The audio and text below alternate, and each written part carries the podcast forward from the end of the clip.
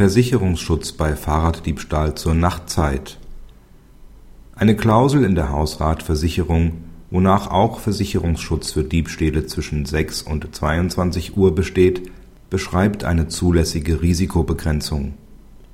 In dem Versicherungsvertrag der Klägerin Hausrat VHB 92 heißt es, für Fahrräder erstreckt sich der Versicherungsschutz auch auf Schäden durch Diebstahl wenn nachweislich das Fahrrad zur Zeit des Diebstahls in verkehrsüblicher Weise durch ein Schloss gesichert war und außerdem der Diebstahl zwischen 6 und 22 Uhr verübt wurde oder sich das Fahrrad zur Zeit des Diebstahls in Gebrauch oder in einem gemeinsamen Fahrradabstellraum befand.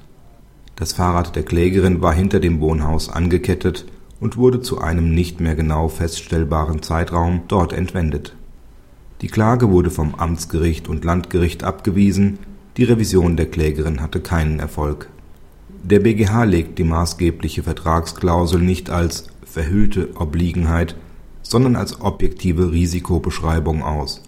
Auch für den durchschnittlichen Versicherungsnehmer werde deutlich, dass es bei der Nachtklausel nicht um Verhaltensanforderungen an den Versicherungsnehmer, sondern um objektive Risikobegrenzungen gehe für den Zeitraum von 6 bis 22 Uhr besteht daher von vornherein kein Versicherungsschutz.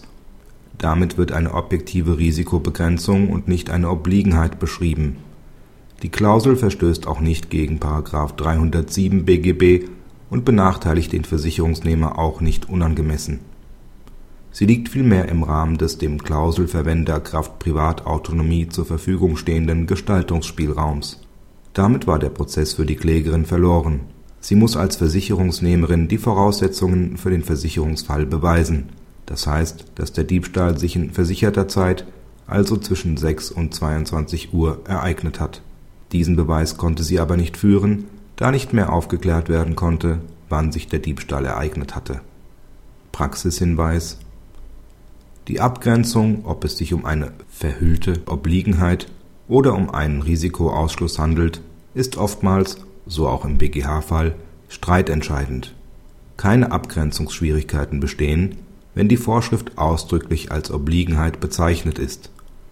Ansonsten kommt es aber nicht auf den Wortlaut und Stellung der Vorschrift, sondern auf deren materiellen Inhalt an. Der BGH hat diese Grundsätze auf die Nachtklausel angewandt.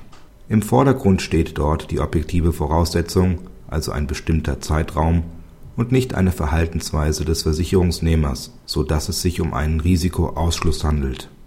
Damit musste die Klägerin beweisen, dass sich ein versichertes Risiko realisiert hat